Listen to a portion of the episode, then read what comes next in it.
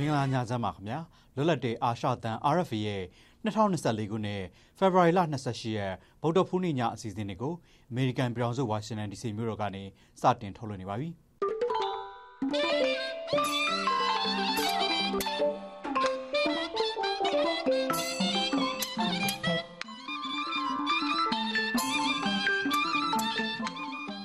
ကျွန်တော်ကရဲကောင်မြန်မာပါ ဒီကနေ့ညအစီအစဉ်မှာနောက်ဆုံးရသတင်းတွေနဲ့အတူစစ်တပ်နန်းတက်ဖို့ဖိအားပေးခံရတဲ့ကြောက်ဖြူကမွတ်စလင်ဒုက္ခသည်တွေအကြောင်းကလေးတက္ကသိုလ်ကဆရာဆရာမတွေပါဝင်လူ130ကျော်ကိုပြည်သူ့ကာကွယ်ရေးတပ်တွေကထိန်းသိမ်းထားတဲ့အခြေအနေနဲ့အခြားစိတ်ဝင်စားစရာအစီအစဉ်တွေကိုထုတ်လွှင့်မှာဖြစ်ပါတယ်။အခုအရင်ဆုံးသတင်းတွေကိုတင်ဆက်ပါမယ်။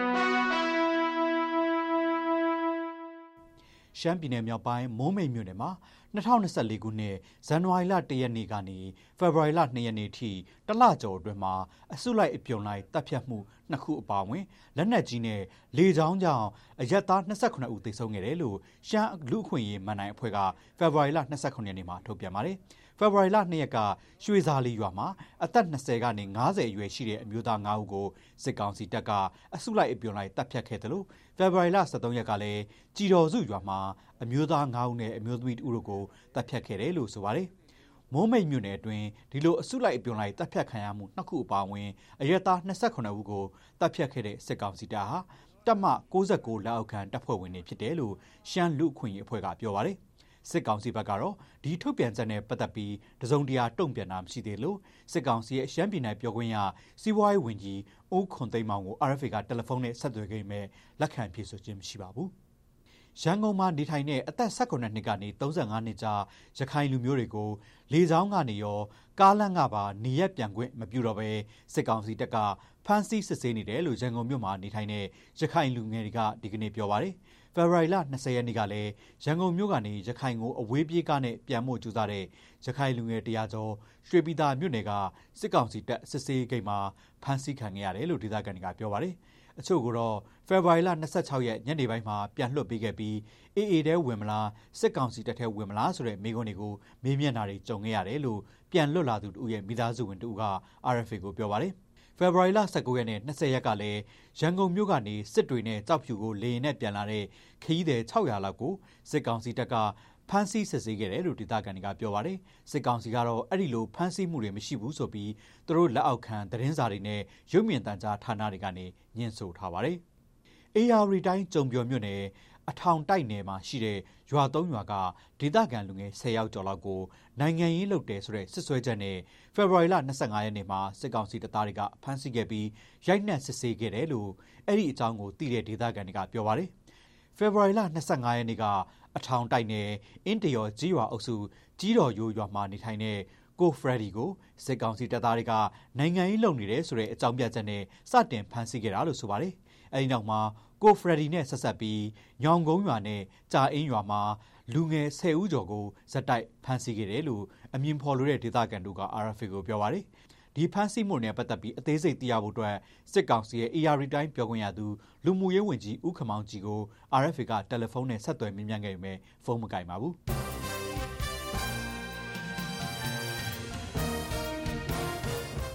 သတင်းတွေကိုတင်ဆက်ပေးကြတာပါခုဆက်လက်ပြီးသတင်းဆောင်မတွေကိုထုတ်လွှင့်ပါမယ်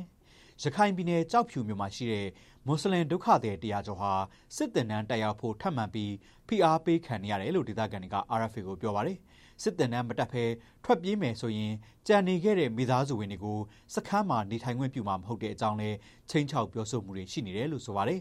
ဒီအကြောင်းကို RFA သတင်းတောက်မတ်သဇင်လိုင်းကတင်ပြထားပါတယ်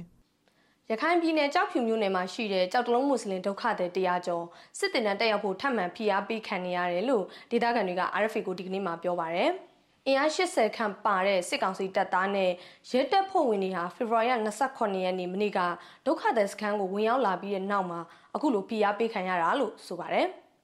ရင်းဆန်တဲ့သူတွေကိုရိုက်နှက်တပ်ပစ်မှာဖြစ်တယ်လို့ထွက်ပြေးသူရှိခဲ့ရင်လည်းကြံနေခဲ့တဲ့မိသားစုဝင်တွေကိုစခန်းအတွင်းကနေနေထုတ်မယ်ဆိုပြီးတော့စစ်ကောင်စီတပ်သားတွေကချင်းချောက်ထားကြတယ်လို့အခြေအနေကိုအသေးစိတ်သိရှိထားတဲ့လုံခြုံရေးရအမည်မဖော်လို့တဲ့ဒေတာခန်တအူးက RFA ကိုပြောပါတယ်။သူအဲ့ဒီ NDP ကတ်ထဲမှာပြည့်စည်သူတော်ထဲဂူတောင်ဆိုတာရှိတယ်လေအဲ့ဒီဂူတောင်ထဲမှာ ပိုက်ထားတယ်လို့ ပြောတယ် ထွက်ပြေးသွားတဲ့လူတွေရှိတော့ဥမာ ယောက်ျားတွေရှိမယ် မောင်တွေ ဖွားတွေရှိမယ် သားသမီးတွေ ရှိမှာပေါ့ အဲအဲ့ဒီဟာတွေကို ပြေးသွားတဲ့အတွက် မိန်းမဆိုလည်း မိန်းမပေါ့ ကျန်ခဲ့တဲ့လူတွေကို နောက်ပြီးတော့ ဒီကန့်ထဲမှာ မထားဘူးပေါ့နေမယ်ဟိုသွားချင်တာသွား အဲ့လိုမျိုး နိုင်တဲ့စီးနေပြောတာတွေ ရှိတာပေါ့ နောက်ပြီးတော့ အဲ့ဒီစစ်မှုမထမ်းလို့ရှိရင် သူတို့ စစ်ဖက်နဲ့နေမှာပေါ့တက်ပြင်းမှာပေါ့အဲ့လိုမျိုးချင်းချောက်တာတွေ ရှိလာတာပေါ့ ဒုက္ခသည်တွေကိုတယ်လီဖုန်းအသုံးပြုခွင့်ပိတ်ထားပြီးတော့သတင်းမီဒီယာတွေကိုအင်တာဗျူးဖြေကြားရင်လည်းပြစ်ဒဏ်ပေးမယ်လို့စစ်ကောင်စီတပ်သားတွေကမနေ့ကပြောဆိုခဲ့တယ်လို့စကန်အဝင်ထွက်ကိုလည်းအင်အား30ကျော်နဲ့ပိတ်ဆို့ထားတယ်လို့ပြောပါရယ်စည်ရင်ကောက်ယူထားတဲ့သူတွေကိုနှုတ်နဲ့အရင်တင်နန်းပေးပြီးမှနောက်ရက်တွေမှာလက်တွေ့တင်နန်းတွေပေးမယ်လို့စစ်ကောင်စီတပ်ကပြောဆိုခဲ့ကြောင်းကိုဒီအခြေအနေတွေကိုအသေးစိတ်သိရှိထားတဲ့နောက်ထပ်ဒေသခံတအုပ်က RFA ကိုပြောပါရယ်။ စစ်စစ်တာကတော့ဒီတရားနဲ့ခဏဦးလို့ ပြောတယ်ဒီလာပြီးစစ်စစ်တာကဒီ34တိုင်းရင်ကနဲ့ဒီရေးတွေကလို့ သိရတယ် သူတို့ကို အပြင်ကို ထွက်ခန်းလုံးဝမရဘူး NDB ထက်ကဟိုပတ်လေကိုနေပြီးတော့ဒီစစ်ကောင်စီတပ်တွေက ဝိုင်းထားတယ်လို့ သိရတယ် နောက်ပြီးတော့ဒီအဲ့ဒီတရားနဲ့ခဏဦးကို ဒီနေ့မှနေပြီးတော့သူတို့ကနေပြီးတော့ပစမ်းနဲ့ဒီစေးတွေတင်မယ် နောက်နေ့ကျလို့ရှိရင် သူတို့ကို လက်နဲ့ပေးပြီးတော့ဒီစစ်တန်နဲ့ပေးမယ်ဆိုပြီးတော့ သိရတာရှိတယ် စစ်ကောင်စီကအသက်သွင်းထားတဲ့ပြည်သူစစ်မှုထမ်းဥပဒေမှာနိုင်ငံသားတွေသာစစ်မှုထမ်းမှုပြဋ္ဌာန်းထားပေမဲ့နိုင်ငံသားဖြစ်အသိမှတ်ပြုမခံရသေးသူတွေကိုပါအခုလိုစုဆောင်းနေတာဟာနီလန်းမကျဘူးလို့ရိုဂျာရစ်တက်ကြွလှုပ်ရှားသူကိုရိုနီဆမ်းမင်ကပြောပါတယ်စစ်မှုမထမ်းမနေရဥပဒေကဟောပေါ့နော်အာဏာတီအောင်လောက်တာကဒါနိုင်ငံသားတွေအတွက်ပဲကျုံးဝင်တာလေအဲကျွန်တော်တို့ကိုကြတော့လိုရင်းကြတွေကိုကြတော့သူတို့နိုင်ငံသားဖြစ်တိမှတ်ပြုတော့မဟုတ်ဆိုတော့ ဒါကလောလောဆယ်ချိန်မှာရိုဟင်ဂျာနဲ့ဘာမှမပတ်သက်တဲ့အနေအထားမှာရှိနေတယ်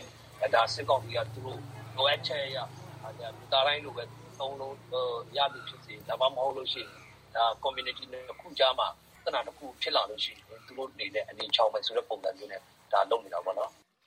ရခိုင်ပြည်နယ်မှာရခိုင်တပ်တော် AA ရဲ့ထိုးစစ်ဆင်မှုတွေကြောင့်နယ်မြေတွေလက်လွတ်ဆုံးရှုံးနေရတဲ့စစ်ကောင်စီအနေနဲ့ရိုဟင်ဂျာတွေကိုပါစစ်တင်နှံပေးပြီးတော့ AA ဖွဲ့ကိုပြန်တိုက်ခိုင်းမှုစ조사နေတာလို့သူကဆိုပါတယ်။ဒီကိစ္စနဲ့ပတ်သက်လို့မေးမြန်းနိုင်ဖို့စစ်ကောင်စီရဲ့ရခိုင်ပြည်နယ်ပြောခွင့်ရသူပြည်နယ်ဥပဒေချုပ်ဦးလာသိန်းကို RFA ကတယ်လီဖုန်းနဲ့ဆက်သွယ်ခဲ့ပေမဲ့ဖုန်းလက်ခံဖြေကြားတာမရှိပါဘူး။ စစ်ကောင်စီထိန်းချုပ်ထားတဲ့ဒီကနေ့ထုတ်မြမအလင်းသတင်းစာမှာတော့ရခိုင်ပြည်နယ်ကမွတ်စလင်တွေကိုစစ်မှုထမ်းမှုစင်းကောက်နေတယ်ဆိုတာမဟုတ်မှန်ဘူးလို့ညင်းဆိုထားပါတယ်။ RFA ကနေဆက်လက်ထုတ်လွှင့်နေပါတယ်။ကလေးမျိုးကလေးတက်သို့ဝင်းကစစ်ကောင်စီတပ်စခန်းကိုဖေဖော်ဝါရီလ26ရက်နေ့မှာပူးပေါင်းတိုက်ခိုက်ပြီးဆရာဆရာမတွေအပါအဝင်လူ130ကျော်လောက်ကိုခိတထိန်းသိမ်းထားတယ်လို့ကလေးမျိုးနယ်ပြည်သူ့ကာကွယ်ရေးတပ်ဖွဲ့ကပြောပါတယ်။ဒီအကြောင်းသတင်းပြည်စုံကိုမက်ရင်မျိုးသူကတင်ပြထားပါတယ်။ စကိုင်းတိုင်းကလေးမြို့တက္ကသိုလ်ဝင်းထဲကစစ်ကောင်စီတပ်စခန်းကိုကရှင်လွတ်မြောက်ရေးတပ်မတော် KIA ရှေးမြို့သားတပ်ဦး CNF နဲ့ဒေသကာကွယ်ပူးပေါင်းတပ်တွေကဖေဖော်ဝါရီလ26ရက်နေ့မှာဝင်ရောက်တိုက်ခိုက်ခဲ့ပြီးတော့တိုက်ပွဲကြပိတ်မိနေတဲ့ဆရာဆရာမတွေအပါအဝင်ចောင်းသားចောင်းသူ130ကျော်ကိုဒေသကာကွယ်ပူးပေါင်းတပ်ဖွဲ့တွေကကယ်ထုတ်ပြီးထိမ့်သိမ်းထားတယ်လို့လုံခြုံရေးရအမည်မဖော်လို့တဲ့ပြည်သူ့ကာကွယ်တပ်ဖွဲ့ဝင်တဦးကပြောပါတယ်တိုက်ပွဲဆဖြစ်တဲ့နေ့ကလေးကပေါ့နော် သူတို့ကျောင်းတက်တဲ့လူတွေရော ဆရာ ဆရာမတချို့ရော130တော့ ကျော်တယ်။ဒါပေမဲ့ အကုန်လုံးတော့ မဟုတ်ဘူး။တချို့ကတော့ မကယ်ထုတ်နိုင်လိုက်ဘူး။ဒါပေမဲ့ ဖမ်းတာမျိုးလည်း မဟုတ်ပါဘူး။ကျနော်တို့ ခဏထိန်းသိမ်းထားတာပါ သူတို့ လူ့အခွင့်အရေးနဲ့ညီတဲ့ဒီတိုင်း ထိန်းသိမ်းထားဆဲပါနော်။ပြီးရင် ကျန်တဲ့အချက်အလက်တွေတော့ ထုတ်ပြန်ချက်ထုတ်သွားမှာဗျ။တာဝန်ရှိတဲ့လူတွေက။စစ်ဆေးမေးမြန်းတာမျိုးလည်း လုပ်နေဆဲပေါ့နော်။အဲလောက်ပါပဲ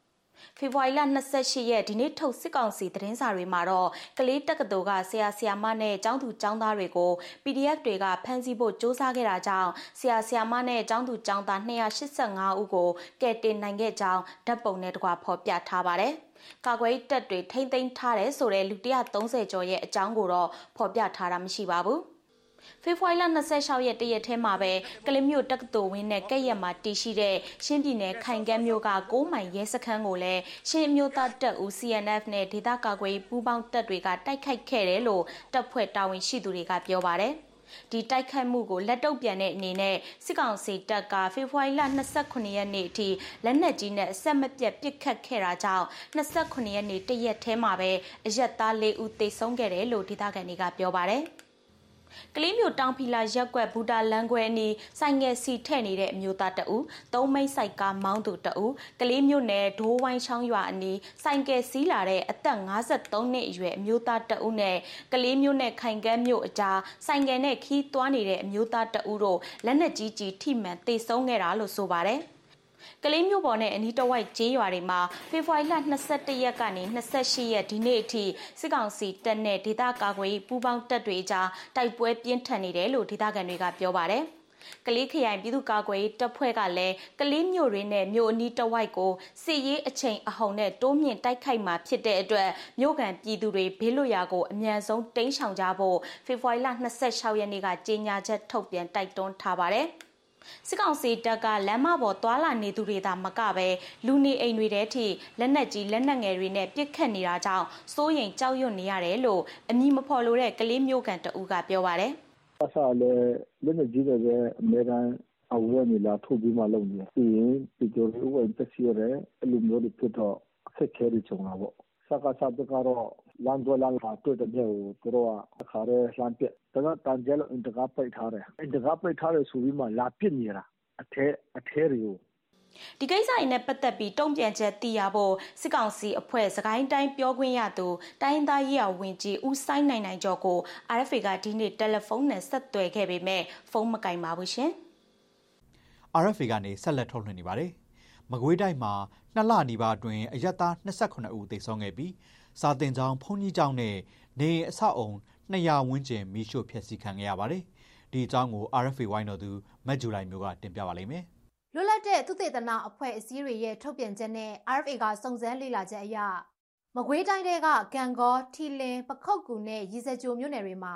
စစ်ကောင်စီတပ်သားတွေနဲ့ပြူစောတိအဖွဲ့ဝင်တွေကြောင့်တေဆုံးရတဲ့အရက်သား28ယောက်ရှိပြီးတော့ အိမ်နဲ့အဆောက်အအုံ200ဝန်းကျင်မိရှို့ခံခဲ့ရပါတယ်။ပြီးခဲ့တဲ့ဖေဖော်ဝါရီလ14ရက်နေ့မှာမြောက်ခရိုင်ရွာကစစ်ကောင်စီတပ်သားနဲ့ပြူစောတိအဖွဲ့ဝင်အင်အား200လောက်ဟာတင်တော်ရွာနဲ့ရွှေဘိုရွာဘက်ကိုစစ်ကြောင်းထိုးပြီးတော့အရက်သား10ယောက်ကိုတတ်သွားတယ်လို့ဒေသခံတွေကပြောပါတယ်10ယောက်လောက်တက်ဖြစ်တော့တာပေါ့နော်အဲဒါလေးရှိတယ်မြောက်ခရိုင်ရွာတော့တော်တော်ဆိုးနေတယ်ပေါ့နော်ဒီညပောင်ချင်းကရိခါတွေယူတယ်အဲတွေ့ရလူပြစ်တက်တယ်တက်ဖြစ်တယ်အဲ့ဒီစစ်ကြောင်းဟာဖေဖော်ဝါရီလ16ရက်နေ့ကလည်း ရွာလုံးကျွတ်မီးရှို့ဖျက်ဆီးခံထားရတဲ့စမ်းမြို့ရွာကိုဝင်ပြီးတော့ကြံနေတဲ့စာတင်ကျောင်းနဲ့ဘုံကြီးကျောင်းကိုထပ်ပြီးတော့မိရှို့ဖျက်ဆီးသွားတယ်လို့ဒေသခံတယောက်ကပြောပါတယ်။ကျန်တာကတော့ဖျားနာဘုံကြီးကျောင်းမှာကျန်နေကြကျန်တာဘာမှမကျန်တော့ဘူးဗျ။စာတင်ကျောင်းတွေလည်းအားလုံးကျုံသွားပြီဗျ။နှစ်တောင်ပြင်ကြီးလည်းအကုန်လုံးပါတယ်ဗျ။ဒါကြီးကမှရေစကြိုမြို့နယ်ကကျူရွာကိုလည်း January လ28ရက်နေ့မှာစစ်ကောင်စီနဲ့ပြူစောတီပူပေါင်းအဖွဲ့တွေကမီးရှို့လို့အိမ်150လောက်ပျက်စီးခဲ့တယ်လို့ လူ2ယောက်သေဆုံးခဲ့ရတယ်လို့ဒေသခံတယောက်ကပြောပါတယ်။အရင်ကလေဖြတ်ထားတာဗျာလေဖြတ်ထားတော့ကျတော့အဲ့စစ်ကြောင်းထိုးလာတော့ကျတော့သူမီးရှို့သွားတော့သူမီးထဲပါပြီးတော့မီးဆွဲပြီးတေးသွားတယ်အဲသူတို့ပြန်သွားတော့ငမြကြီးက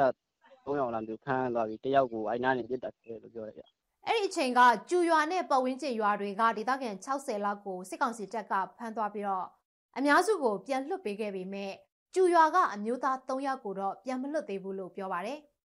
စစ်ကောင်စီရဲ့ကြောက်ထုအမြောက်တပ်ကလည်းပတ်ဝန်းကျင်ကိုလက်နက်ကြီးနဲ့မကြာခဏပစ်ခတ်နေတာကြောင့်ဒီနှစ်လအတွင်းမှာလူဦးရေ3000လောက်ထွက်ပြေးနေရတယ်လို့ဒေသခံတွေကပြောပါတယ်။အလားတူပဲပခုတ်ကူမြို့နယ်တဲကရေနံချက်ရွာကိုဇန်နဝါရီလ24ရက်နေ့မှာစစ်ကောင်စီနဲ့ပြူစောထီတွေကလက်နက်ကြီး၄ချက်ပစ်လို့ကလေးတယောက်နဲ့သူ့အဖိုးအဖွားတွေတေဆုံးခဲ့တယ်လို့ဒေသခံတယောက်ကပြောပါတယ်။ရွာလေကောင်ပြစ်တာနဲ့ရွာလေကောင်မရောက်ဘဲနဲ့ကန်းနာကိုကြာပြီးတော့ တယောက်ကဒီတယောက်ကစေကမ်းမှာပြန်ခေါ်လာပါပြီတေဆုံးသွားသူတွေကတော့ခုနှစ်နှစ်အရွယ်မောင်ပြည့်ဖြိုးအောင်နဲ့အဖိုးအဖွားဖြစ်တဲ့ဦးတင်ဝမ်းနဲ့ဒေါက်ကလမတို့ဖြစ်ပါတယ်ဒီလောက်ရတွေကစစ်ရာဇဝဲမှုတွေဖြစ်တယ်လို့အမည်မဖော်လို့တဲ့ရှင်းနေတယောက်ကထောက်ပြပါတယ်စိတ်ကူးရရဲတောက်ပြီးတော့ငွေဖေးဝါးတွေတုံးဆွဲပြီးတော့မှဒီလိုပြစ်မှုမျိုးတွေလူမဆန်တဲ့ပြစ်မှုတွေကိုသူတို့ကျူးလွန်နေကြတာလို့ကျွန်တော်ဒီတိုင်းပဲမြင်ပါတယ်ဒါဟာတကယ်တမ်းပြောရင် တော်တော်ကိုကြီးလေးတဲ့ရာဇဝတ်ပြမှုတွေဖြစ်ပါတယ်ဒီဖြစ်ရပ်တွေနဲ့ပတ်သက်ပြီးတော့စစ်ကောင်စီရဲ့မကွေးတိုင်းပြောခွင့်ရသူလူမှုရေးရာဝန်ကြီးဦးဝင်းရဲထွန်းကို RFA ကဆက်သွယ်မေးမြန်းတဲ့အခါတိုင်းမှာအဲ့ဒီကိစ္စတွေကိုသူမသိကြောင်းနဲ့ပြည်ထောင်စုအဆင့်ကသာထုတ်ပြန်လေ့ရှိကြောင်းအကြိမ်ကြိမ်ညင်းဆိုထားပါတယ်ရှင်